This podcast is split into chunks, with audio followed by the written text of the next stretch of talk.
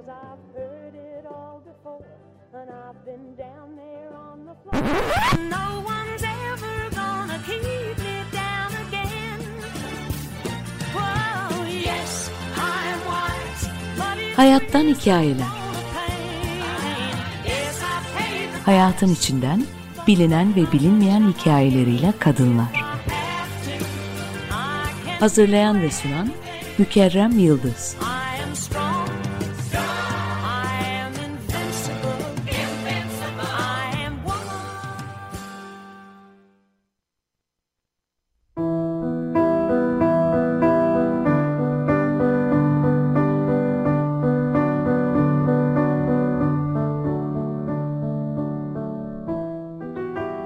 Avuçlarında minicik bir el. Duvara asılası bir fotoğraf karesinde Arte ve annesi. Baktım. Uzun uzun seyre daldım. Biriciktik hepimiz sevdiklerimiz için. Biriciktik, büyüdük, insandık, var olduk. Babasını anımsadı. Yolundan devam ettiği ustayı. Oğluna baktı. Kaygılı mı? Hayır, aksine umut dolu. Çocukluğunu anımsadı sokaktaki Ayşe'yi, yan komşunun açılıp kapanan, kapanırken ürküten kapı sesini, evde pişen fasulyeyi, okunan ezanı, çalan çanı, sokaktaki simitçiyi, patates diye bağıran seyyar satıcıyı, yoğurtçunun çıngırağını ve gecenin ayazında bozacının sesini. Hepsi birlikte güzeldi. İşte dedi Natali, yine duvara asılası bir fotoğraf karesi. Natali sanatın içine doğdu, büyüdü, heybesini bolca doldurdu. Sonra mı? Sonra tek tek çıkardı heybesinden tüm emeklerini. Nakış nakış işledi hayatı. Bir film gibi var etti hayallerini. Ama en çok da kendini. Sanmayın kolay olduğunu. İnsan olarak var olmak kolay mıdır hiç? Vazgeçmediğin duruşunu göğsünde bir madalya gibi taşımak, kadın olmak, anlatmak, düş görmek kolay değildi elbet. Sanat biraz buydu. Sanatçı olmak fark etmekti. Bazen fark edip kahrolmaktı, acı çekmekti. Bazen kahkahalarla gülmekti. Bazen taşların altında kalan sulara inat kürek çekmekti. En çok sevgiydi. Evet evet, sevgi. Sanat sevgiydi, sanat bir olmaktı, sanat fark etmekti, sanat taşın altından suyu çıkarmaya niyet etmekti.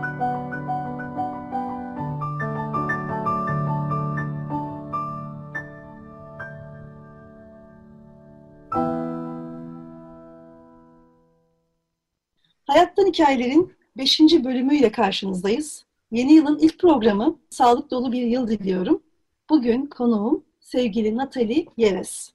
Arte'nin annesi, öğrenci yetiştiren bir öğretim üyesi ve çok değerli bir sanat yönetmeni. Benim için bugün yine heyecan verici bir program olacak. Natali, Hayattan Hikayeleri hoş geldin. Hoş bulduk. Çok zarif, çok hoş bir girişti. Ne güzel bir sürpriz oldu. Ve aslında direkt tanışmıyoruz. Ee, Yeni tanıştık ama o satırların arasında beni anca çok iyi tanıyanların bildiği şeyler yazmışsın. Programdan sonra konuşuruz. Şimdi e, vakit Tamam. çalmayalım. Ben de bütün Açık Radyo dinleyicilerine iyi seneler, sağlıklı yıllar diliyorum. Ve teşekkür ediyorum böyle hoş ve iltifatkar bir e, giriş yaptığın için. Ben teşekkür ederim katıldığın için. Önce pandemi süreciyle başlayalım diyorum. Çünkü hepimiz için çok değişik bir dönem. Aklımıza gelse gülüp geçeceğimiz bir döneme alıştık. Maskelerle yaşıyoruz, maskeyle geziyoruz. Müzeleri online geziyoruz. Toplantılarımızı, derslerimizi online yapıyoruz. Bu kısıtlı süreç seni ve Arte'yi nasıl etkiliyor? Ve aynı zamanda bir öğretim üyesisin. Öğrencilerle olan ilişkinde bu süreçte değerlendirmen mümkün mü? Tabii hepimiz yepyeni şeyler deneyimliyoruz. Hayal dahi edemeyeceğimiz distopik bir filmde görsek belki de hadi canım böyle de yaşanır mı bu kadar uzun süre diyebileceğimiz. O maskeleri İspanyol gribi geçtiği yıllardan birkaç kare fotoğraftan hatırladığım, tuhafsadığım durumu bir senedir yaşıyoruz. Artı ile kendimize yeni meşgaleler bulduk. Bir taraftan da Tabii ergenliğe geçecek az kaldı. Bu kadar uzun onunla geçirebileceğim başka bir zaman olmayacak belki diye düşünüp bunun tadını çıkartıyorum. Yani bu süreçte bir de Covid atlattım. Onu da deneyimledim yani her şey yine geldi geçti. Üniversite gençliği için çok zor. Çünkü onlar evde değil dışarıda yaşamak istiyor, gezmek istiyor. Üniversitenin sosyalliğini, kantin muhabbetlerini, flörtleşmeyi istiyorlar e, ve bunları yapamamak o yaş grubu için gözlemlediğim kadarıyla çok daha zor. Televizyonda ve sinemalarda izlediğimiz her bir filmin aslında yoğun bir emekle hazırlandığını ve arkada büyük bir ekip olduğunu biliyoruz. Ama genellikle hepimizin bildiği başrol oyuncuları ön plana çıkar. Bir de eğer şanslıysa belki yönetmen. Ama arkadaki o büyük ekip hep kaybolur. Burada filmin görsel olarak oluşturulmasında sanat yönetmeninin büyük bir katkısı var. Hatta rol ona ait. Bu anlamda sen yaptığın işi nasıl tanımlıyorsun?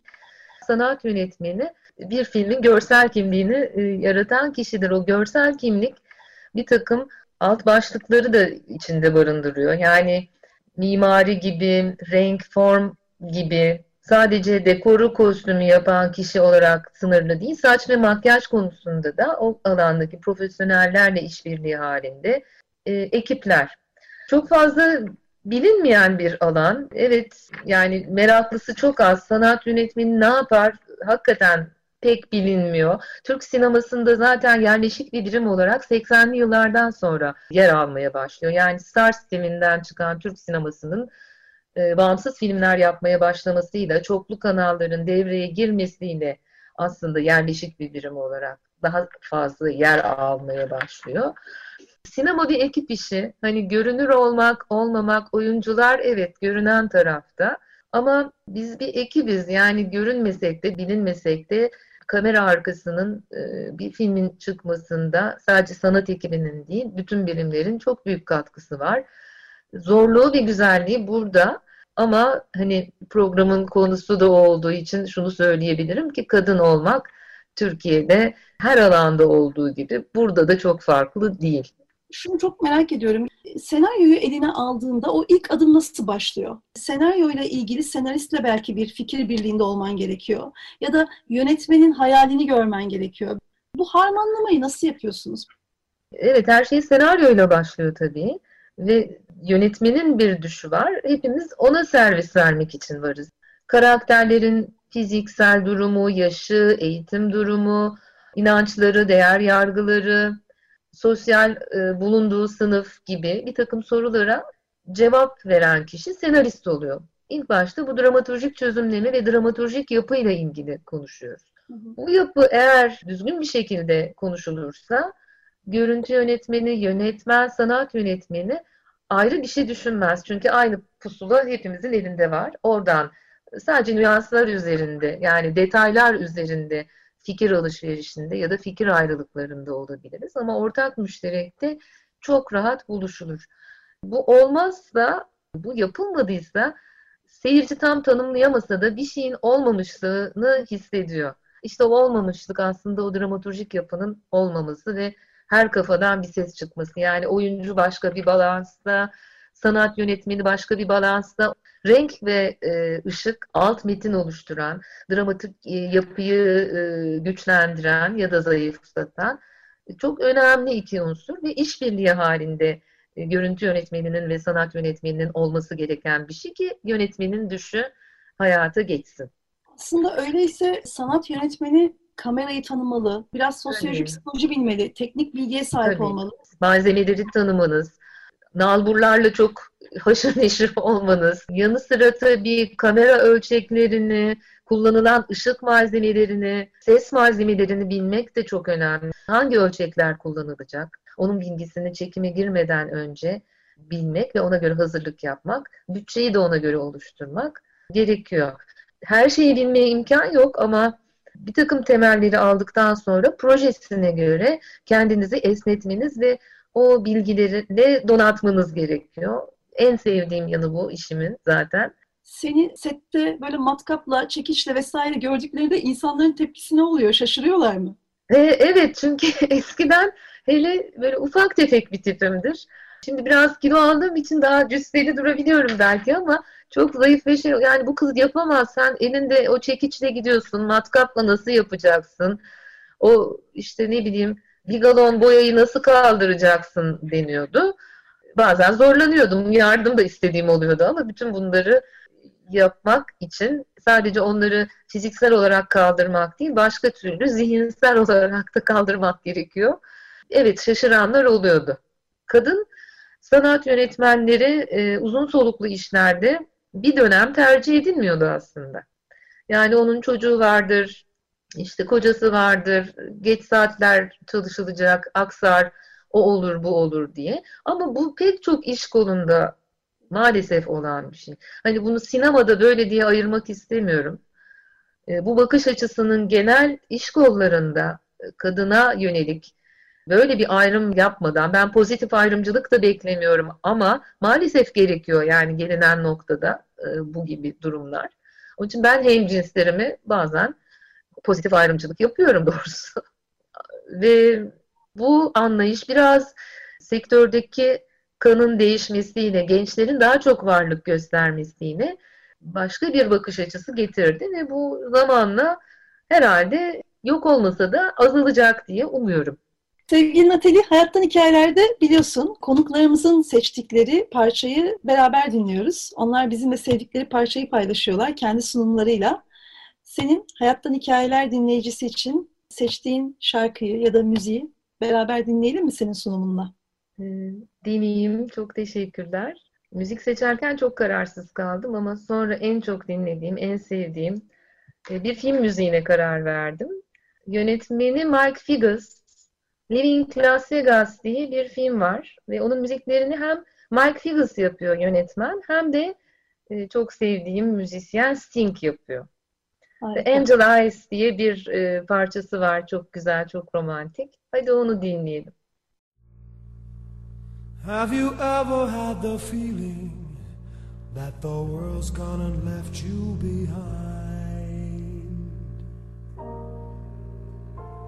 Have you ever had the feeling that you're that close to losing your mind? You look around each corner, hoping that she's there. You try to play it cool, perhaps, pretend that you don't care. It doesn't do a bit of good. You got to seek till you find, or you'll never unwind. Try to think that love's not around. Still, it's uncomfortably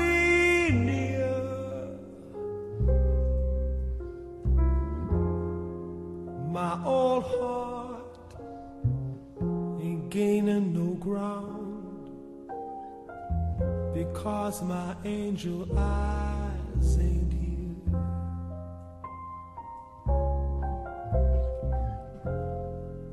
Angel eyes that old devil sent. They glow unbearably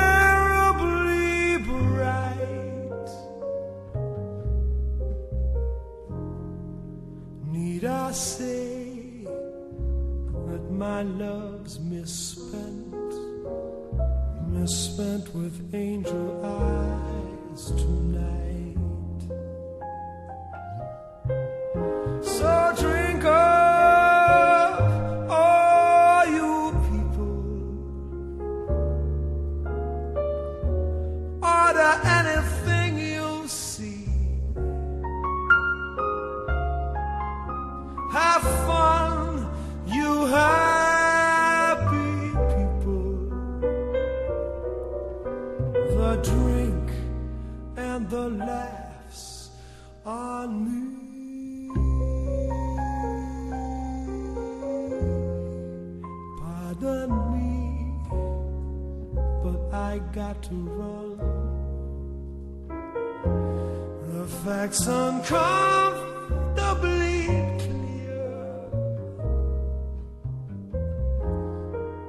Got to find who's now number one and why my angel eyes ain't here.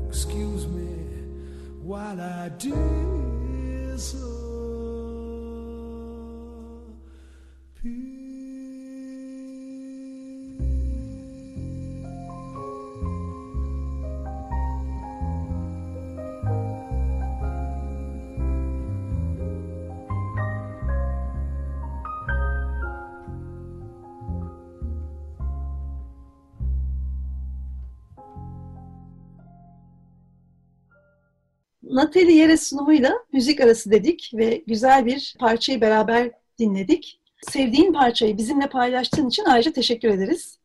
Elveda Las Vegas Ben filmi. çok teşekkür ederim. Natalie, Deşe Yolculuk, Büyük Adam, Küçük Aşk gibi bu toprakların sorunlarına eğilen yapımlarda yer aldın. Bunlara bakınca sinemacı kimliğinin dışında birey olarak Natalie Yeres nerede duruyor diye sorsam. Yani bu, bu filmlerden farklı bir yerde durmuyorum aslında. Tabii bunları ekleme de yapabiliriz. Tayfun Pirselimoğlu'nun Hiçbir Yerde filmi. O da çok bu toprakların meselesine e, işaret eden bir film. Derviş Zaim'in filmleri beraber çalıştığımız. Çünkü o da bu coğrafyayla ilgili e, işte hat sanatıyla ilgili, gölge oyunuyla ilgili, mimariyle ilgili bir takım e, yaptığı çalışmalarda ortak hareket ettik. Sinemada buna çok önem veriyorum. Benim filmografimde zaten hani bilmeyenler için diyorum. E, ticari film yoktur çok fazla. Bir iki tanedir. Onun dışında yani hayat görüşümle, bakış açımla, söylemek istediğim şeylerle hayata karşı örtüşen filmlerde var olmaya çalıştım. Tabii bu yaptığım televizyon işleri için her zaman söz konusu olmadı ama yine de orada ben kendine çelişen bir şey yapmadım en azından. Yani farklı bir yerde durmuyorum. Kendimi bir filmin içinde göremiyorsam e, ya da inanmıyorsam e, filmin cümlesine orada var olmak istemiyorum ve olmadım zaten. Çok şükür olmadım. Ben hikayede daha önce söylemiştim programın başında. Hatırlarsan eğer duruşunu göğsünde taşımak demiştim. Daha çok yeni bu program vesilesiyle tanışıyoruz seninle. Ama benim en azından Natalie Yeres baktığımda hissettiğim, gözlemlediğim bu. Eminim seni şu an dinleyenler de benimle aynı fikirdedir. Yani özellikle o ticari filmler olmayışı vesaire çok belirgin zaten. Peki şunu merak ediyorum. Aklında hayalinde bir resim var mı? Yani bende şöyle bir görsel var ve bu görselin hikayesi bu olmalı. Ya da böyle bir hikaye var, bunun görseli bu olmalı gibi. Yazmaya ya da böyle çekmeye niyet ettiğin, hayal ettiğin bir düşün, hayalin var mı? Ee, yani aslında başkalarının yazdığı e, şeyler üzerinden düş kurmayı çok seviyorum ben. Ee, kitap okurken de hızlı okuyan biri değilimdir. Bir cümle okuyup bir saat hayal kurmayı severim. Dönüp dönüp aynı cümleyi bazen düşünürüm. Ama yapmak istediğim şöyle bir şey vardı. Yani bir resimden yola çıkarak e, demeyelim. Benim bu mesleği yapmamda e, sebep olan kişi Şahin Kaygun'dur. Fotoğraf sanatçısı ve yönetmen Şahin Kaygun. Ve ona vefa borcu gibi değil ama e, onunla ilgili bir belgesel çok istiyorum çekmek. İstiyordum, istiyorum. Çünkü çok önemli bir sanatçı. Benim ufkumu çok açan bir sanatçı. Yeni gençler bilmiyor. Ve yeni gençlerin de onu anmalarını e, ve tanımalarını istiyorum. Çünkü onların da vizyonuna çok şey katacaktır diye düşünüyorum. Çok önemli bir Polaroid sanatçısı. Polaroid fotoğraflar çeken bir sanatçı ama tablo gibi Polaroid demenize imkan yok. Çok önemli müzelerde, İstanbul Modern'de iki eseri e, yerleşik olarak var.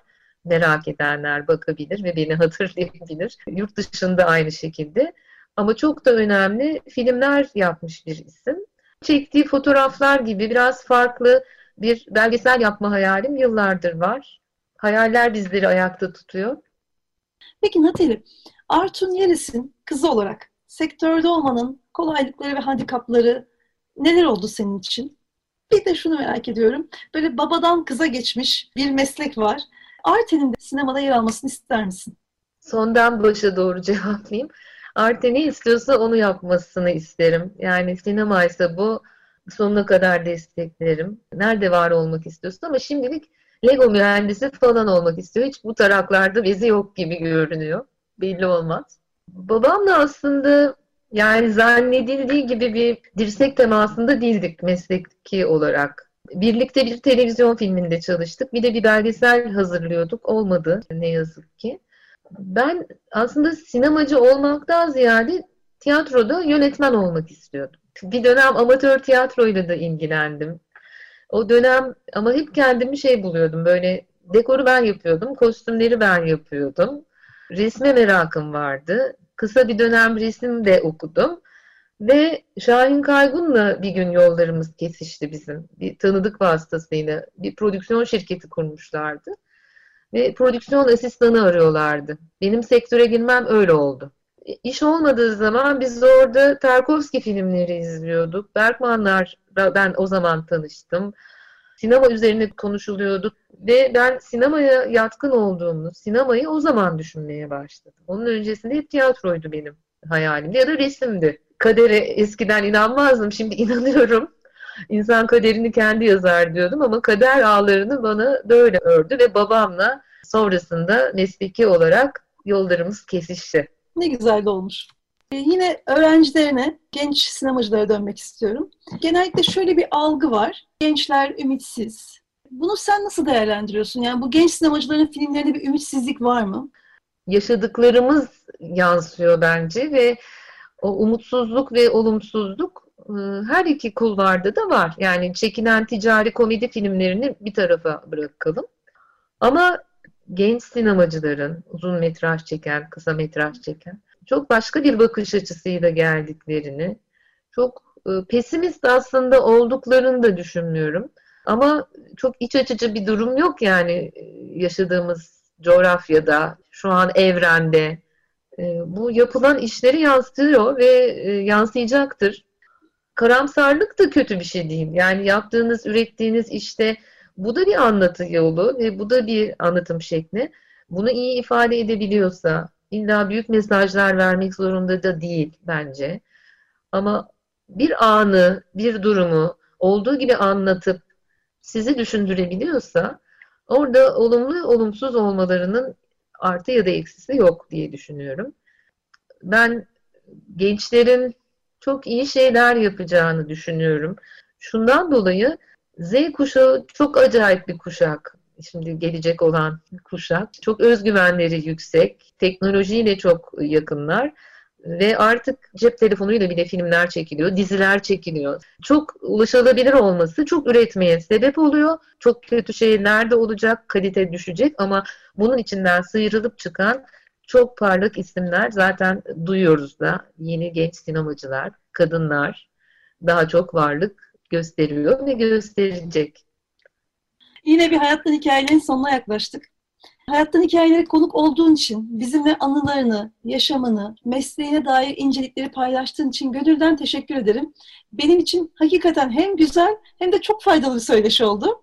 Bu hikayenin bir parçası olduğum için e, ben çok teşekkür ederim.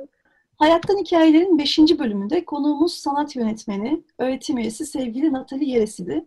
Natali ile pandemi yüzünden evlere kapandığımız şu günlerde sürecin biz kadınlar olan etkisini, sanat yönetmenliğinin esas anlamını ve buradaki kadın etkisini, sette kadın olma hallerini konuştuk.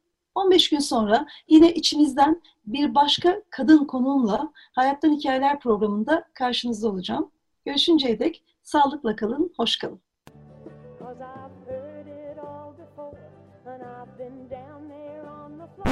Cause